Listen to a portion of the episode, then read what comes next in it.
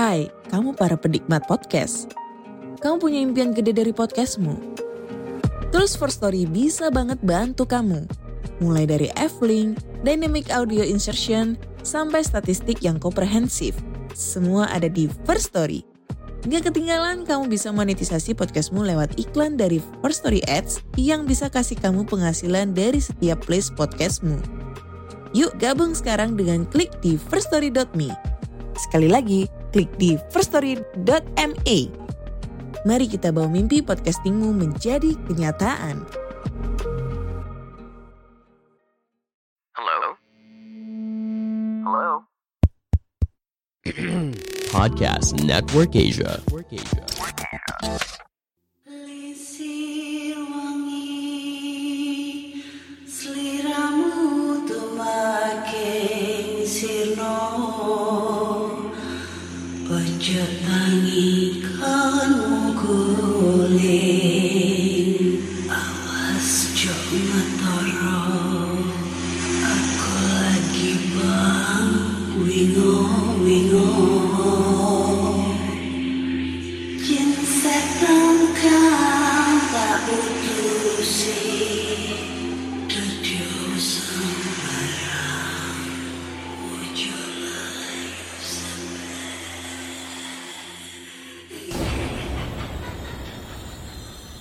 Hai Rek, Ki apa kabar Ketemu lagi dengan aku si Ana di podcast kisah horor. Ketemu lagi di episode 100 eh kok 100? Udah 201 episode dong ini. Ini udah masuk episode 201 ya. Wah. Gak kerasa banget cuy selama dua setengah tahun ini podcast kisah horor udah udah ngebawain ratusan cerita nih buat pendengar semuanya yang kemarin uh, udah berpartisipasi uh, kirim-kirim cerita ke podcast kisah horor untuk memeriahkan 200 episode. Thank you banget walaupun emang gak banyak sih ya. Ya sekitar 3, 4, 5 orang tapi ya setidaknya gue apresiasi banget gitu ya karena mereka udah mau meluangkan waktunya untuk uh, rekaman sendiri, terus habis itu nyari tempat sepi, terus menceritakan pengalaman mereka, lalu ngirim ke email podcast kisah horor kayak gitu-gitu cuy. Ih, thank you banget. Tenang aja, abis ini gue bakal ngasih eh, bingkisan buat kalian semua ya yang udah ngirim cerita tuh yang kemarin memeriahkan 200 episode podcast kisah horor. Emang dikira Ana itu nggak ngasih eh, apresiasi gitu ngasih dong ya walaupun emang bagi kalian itu tidak seberapa setidaknya gue berusaha untuk menyenangkan kalian semua gitu. Ya kan? Jadi gue mau ngasih info masih info mbak eh. Masih mbak eh. Ono info iki ya. Hmm. jadi seiring berjalannya waktu karena podcast kisah horor udah dua setengah tahun mengudara dan banyak banget yang udah eh, apa ya ngedengerin podcast kisah horor jadi gue mau bikin merchandise gitu ya. Merchandise dari podcast kisah horor. Ya barangnya sih emang tidak sebagus dan se se apa ya se wow banget gitu kayak podcaster podcaster yang udah gede di sana. Enggak tapi seenggaknya bisa dipakai oleh semua orang dan orang yang pakai itu kayak tahu eh podcast kisah horor nih punya merchandise kayak gitu-gitu deh. Ya kan? Terus kemarin tuh gue libur ya nah pas libur itu gue udah berguru gitu ya berguru sama dukun gue yang ada di Gunung Fuji gue berguru gimana supaya kita dapat penglaris dapat pelet dapat pesugihan dan lain-lain ya dan kata dukun gue gitu ya untuk lima orang yang paling pertama nanti gue kasih free gitu untuk kalian semua. Free-nya apa? Ya ditunggu aja. Dan gimana caranya kak untuk bisa dapat free? Ya tungguin juga gitu. Karena barangnya ini masih dalam proses gitu ya. Nggak sekarang. Nanti kalau nggak akhir September ya awal Oktober mendekati Halloween gitu ya. Jadi tungguin aja. Dan kalau sudah lima orang yang paling pertama ini dapat ya sisanya ya dibeli ya bapak ibu ya seenggaknya bisa ngembalikin modal gitu ya. ya kayak gitu dah pokoknya ya. Jadi tungguin aja merchandise dari podcast kisah horor. Oke, Mas C dan Mbak E.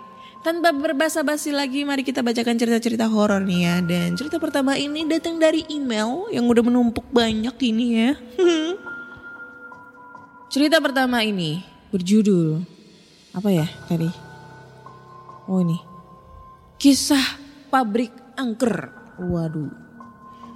Ini kalau cerita pabrik kayaknya bakal seru nih ya. Kita bacakan ceritanya. Hai Kak Ana, kenalin nama aku Dani. Kali ini aku mau menceritakan tentang kisah horor teman aku nih yang dulu pernah tinggal di mes pabrik. Namanya Arga. Sebut aja Arga, Arga kali ya. Sebenarnya ini bukan nama samaran kak. Jadi sejak kecil si Arga ini tinggal di kawasan pabrik. Dia dan orang tuanya menetap di mes. Tiap harinya Arga bermain di kawasan itu. Terkadang bercanda dengan karyawan mes lainnya. Suatu malam, Arga berjalan-jalan sendirian di lahan kosong pabrik tersebut. Saat sedang asyik main sendirian, tiba-tiba matanya tertuju pada pintu di ujung lahan kosong itu. Pintu itu terbuka perlahan Lalu terlihat seseorang masuk. Menurut si Arga, orang tersebut gak pakai baju, cuma memakai celana jeans. Karena pencahaya, pencahayaan yang kurang pas, sosok itu tak tampak jelas. Setelah menutup pintu, sosok tersebut berbalik menghadap Arga. Saat pandangan mereka bertemu, sosok itu kemudian meringkuk Tak lama kemudian dia menggonggong seperti anjing. Dikiranya anak mes yang bercanda. Arga mengikuti gaya orang itu. Keanehan pun dimulai. Dari punggung orang ini muncul seperti bulu landak. Mekar ke atas begitulah. Si Arga yang belum sadar, eh si Arga belum sadar. Ya namanya juga anak kecil. Tiba-tiba sosok itu berlari dengan tangan dan kaki, persis seperti binatang. Arga kemudian berlari ke arah ibunya. Dia menangis kencang banget. Saat dia cerita, kata ibunya nggak melihat atau mendengar apa pun kecuali Arga yang menirukan suara anjing.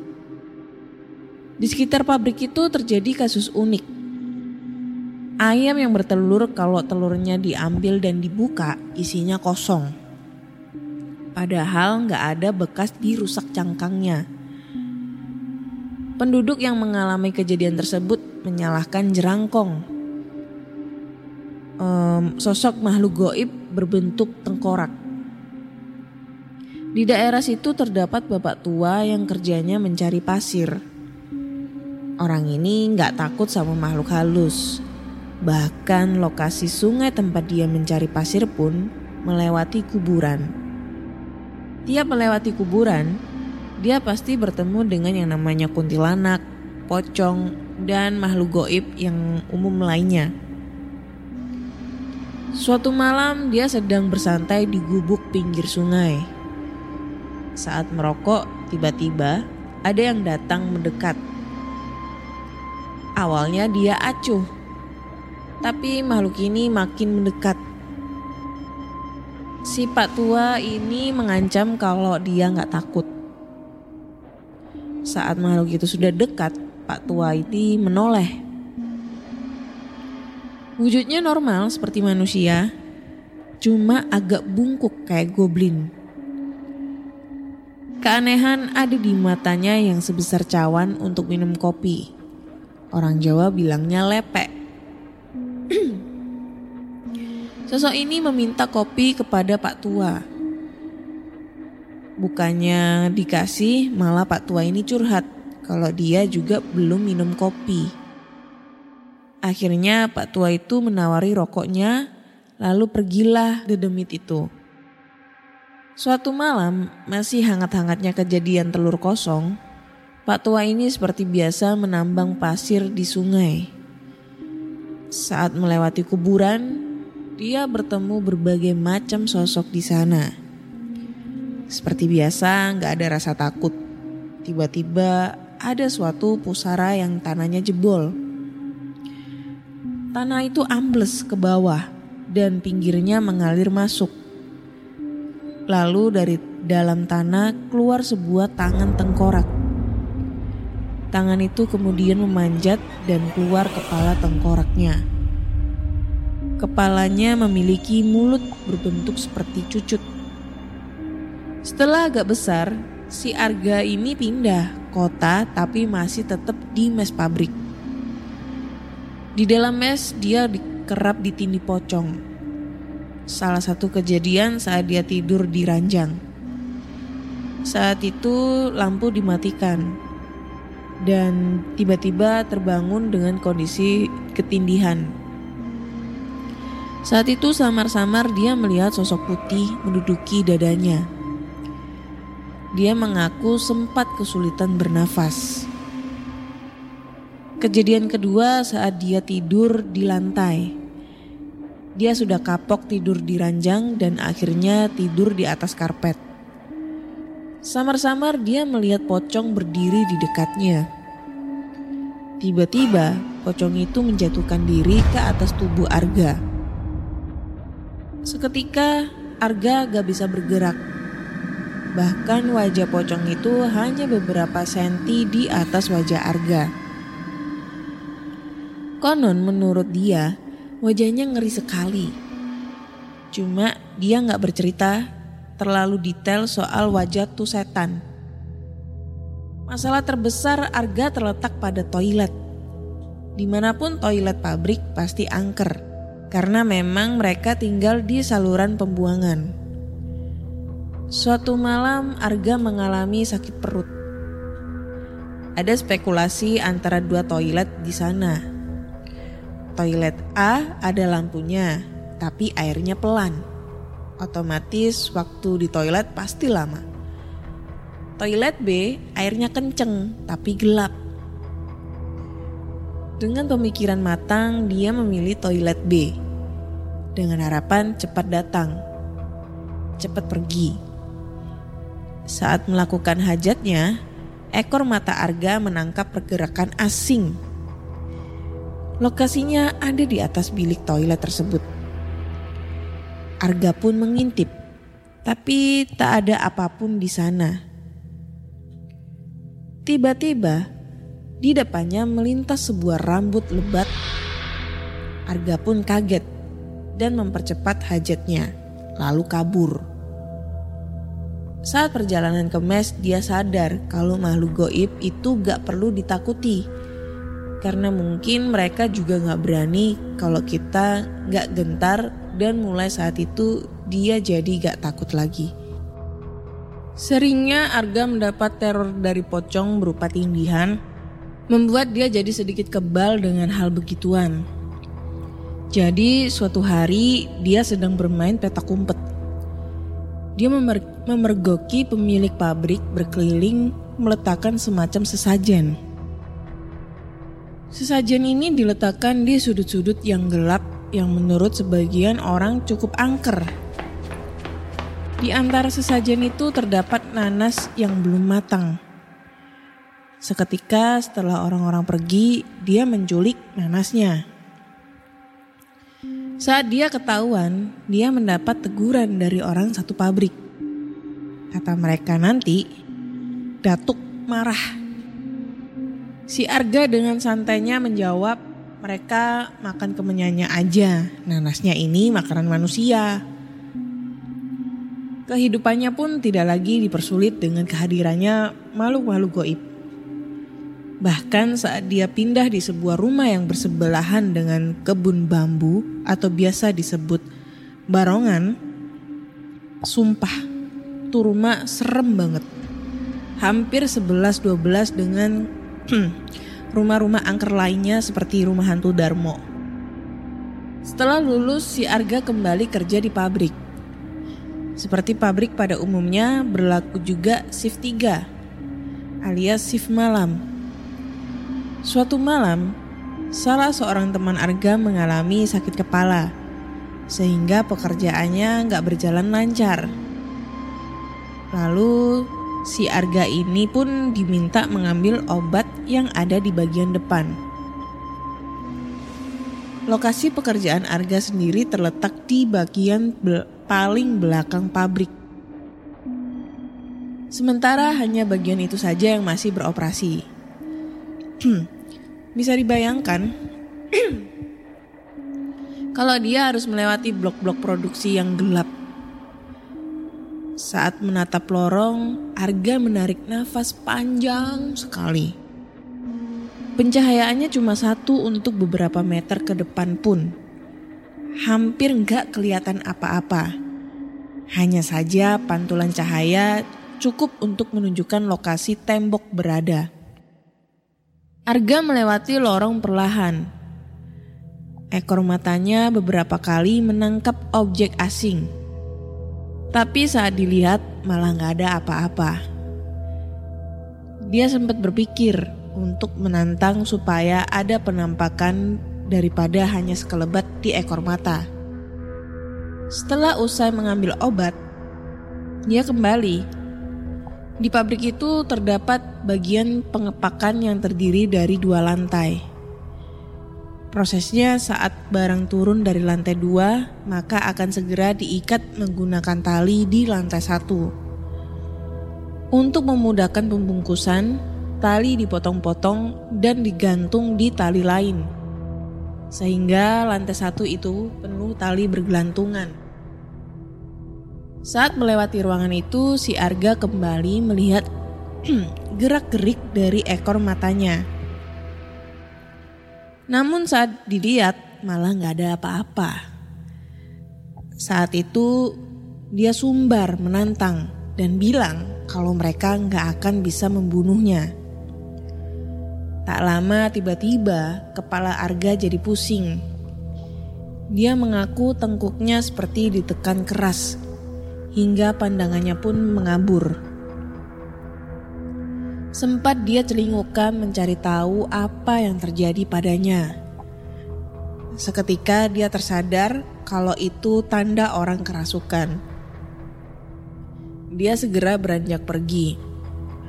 Pandangannya semakin menyempit dan menyempit. Ditambah, tengkuk lehernya seperti ditekan.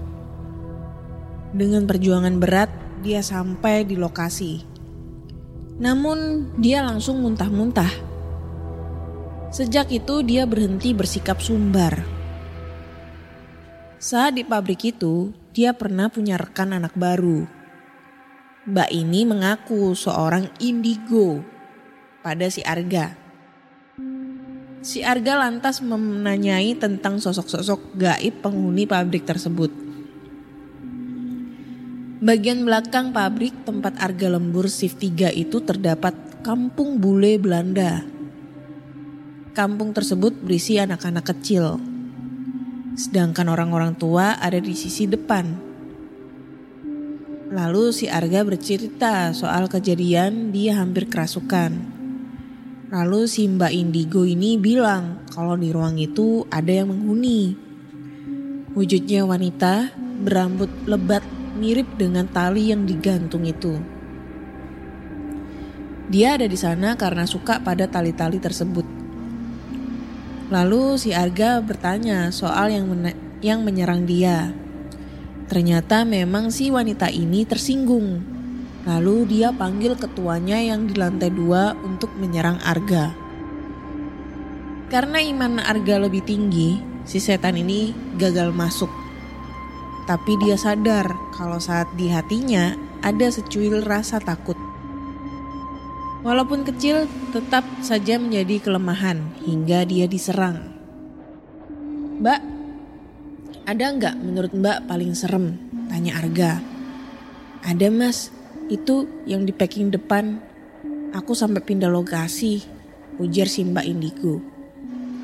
Wujudnya gimana? Tanya Arga lagi. Gak kelihatan mas, dia selalu sembunyi di belakangku. Bahkan aku berbalik, dia tetap bersembunyi di belakangku. Ujar mbak itu berhenti sesaat. Pas aku tanya dia minta apa, dia bilang darah. Lalu aku tolak, tapi dia ngotot minta darah lagi. Sambil terus bersembunyi di belakangku. Lanjut si mbak. Lah terus gimana mbak? Tanya Arga. Ya sudah, aku bilang gak bisa memenuhi. Jadi akunya yang ngalah, pindah tempat. Aku sering lihat makhluk buruk, tapi yang ini jahat banget mas. Sudah jahat, licik pula. Gak mau nunjukin wujudnya, malah sembunyi di belakangku, ujar si Mbak Indigo mengakhiri ceritanya. Setelah beberapa saat, Arga keluar dari pabrik tersebut dan sudah habis ceritanya. Sekian cerita dari aku kak, maaf kalau ceritanya kepanjangan dan kurang serem. Thanks sudah dibacakan. Oke, mari kita berkomentar ya untuk cerita dari si Dani tentang per, eh, apa cerita temennya yang namanya Arga ya. yang pertama ini gue lucu masalah yang manusia anjing, anjing banget gitu ya. Ini kucing gue ganggu mulu sih dari tadi. Ah, eh berwujud anjing terus berubah. Eh berwujud manusia lalu berubah menjadi anjing werewolf gitu ya. Model-model kayak manusia serigala gitu. Tapi ini lebih ke manusia anjing gitu ya. Manusia anjing gitu. Gue nggak tahu sih gue harus ngomong apa. Gue takut dihujat sama netizen lagi ya kalau gue bilang mungkin nih si Arga halu karena posisinya waktu itu masih kecil gitu kan ya ya kayak gitulah pokoknya gitu. Cuma gue gue nggak gue berusaha untuk menghindari supaya tidak dihujat sama netizen lagi kayak gitu. Lalu yang kedua eh, masalah Pak Tua. Keren sih Pak Tuanya ini ya. Dia kayak si dia ketemu sama sosok minta kopi malah Pak Tua ini curhat lah aku sendiri aja seharian belum minum kopi. Nih rokok, rokok aja. Kayak gitu kan ibaratnya. Terus minggat tuh sosoknya. Lucu kan ya. Itu kayak ibaratnya kayak gue minta kopi malah dikasih rokok. Udah tahu gue setan gak bisa ngas ngisap rokok. Kayak gitu-gitu lah ibaratnya. Lucu sih. Yang ketiga cerita masalah Mbak Indigo gitu ya. Ini buat teman-teman ya. Jadi kalau kita tahu nih orang yang bisa ngelihat uh, melihat setan itu bukan berarti indigo ya, tapi dia uh, lebih tepatnya punya indera keenam, six sense gitu. Kalau indigo itu emang anugerah dari lahir yang biasanya dia bisa melihat masa depan sama masa lalu kayak gitu gitulah. Pokoknya ibaratnya kayak Mama Lauren gitu loh. Kalau modelnya Mama Lauren itu indigo tuh yang bisa baca-baca aura dan lain-lain. Tapi kalau misalnya uh, dia cuma bisa ngelihat setan atau apa itu bukan bukan bukan indigo sih. Tapi lebih tepatnya six sense gitu punya indera keenam Sebenarnya sih setiap manusia ya, kita-kita nih, kita itu punya indera keenam masing-masing. Cuma ada yang sudah diasah, ada juga yang belum terasah. Makanya misalnya nih, indera keenam itu kan kayak gini ya, manusia itu kan punya lima indera, ya kan? E, mata, mata, hidung, telinga, eh salah, indera penglihat, indera penciuman, indera perasa, indera pendengaran sama indera perasa ya. Lalu ada yang namanya indera keenam. Ini biasanya ada di antara e, mata nih. Nah, setiap orang itu punya indera keenam. Nah, misalnya nih, lu lu nggak bisa ngelihat, tapi lu bisa ngerasain. Lu bisa ngerasain ada orang di situ, padahal di situ gak ada orang. Nah itu namanya lu punya indera keenam. Terus misalnya lu tiba-tiba merinding. Tapi lu nggak ngeliat ada setan. Itu tandanya lu punya indera keenam. Tapi uh, indera keenam lu itu belum terasah lebih pekat. Jadi hanya bisa ngerasa-ngerasain doang. Tapi kalau misalnya dia indera keenamnya tuh udah kuat gitu ya. Udah udah udah terasa, udah kayak gimana gitu, dia bakal bisa ngelihat sosok itu solid banget.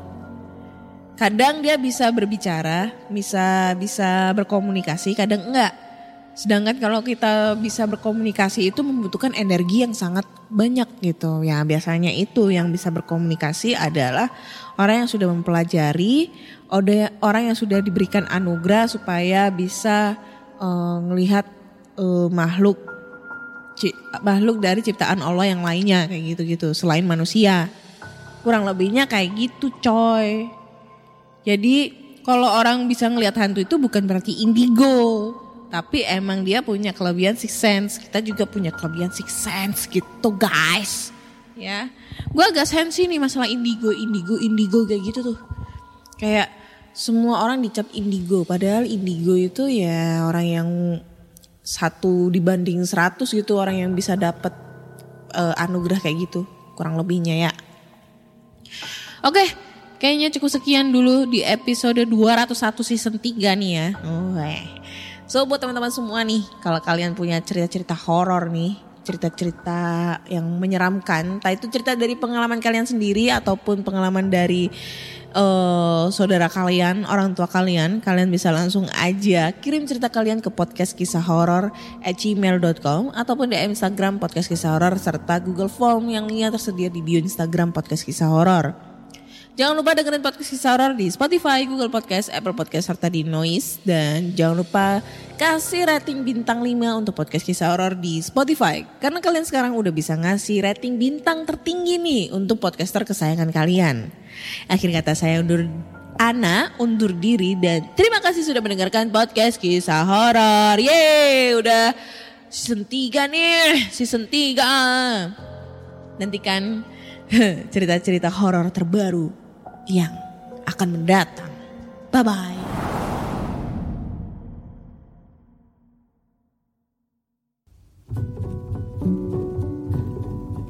Pandangan dan opini yang disampaikan oleh kreator podcast, host, dan tamu tidak mencerminkan kebijakan resmi dan bagian dari podcast Network Asia. Setiap konten yang disampaikan mereka di dalam podcast adalah opini mereka sendiri dan tidak bermaksud untuk merugikan agama, grup etnik, perkumpulan, organisasi, perusahaan, perorangan, atau siapa pun dan apa pun.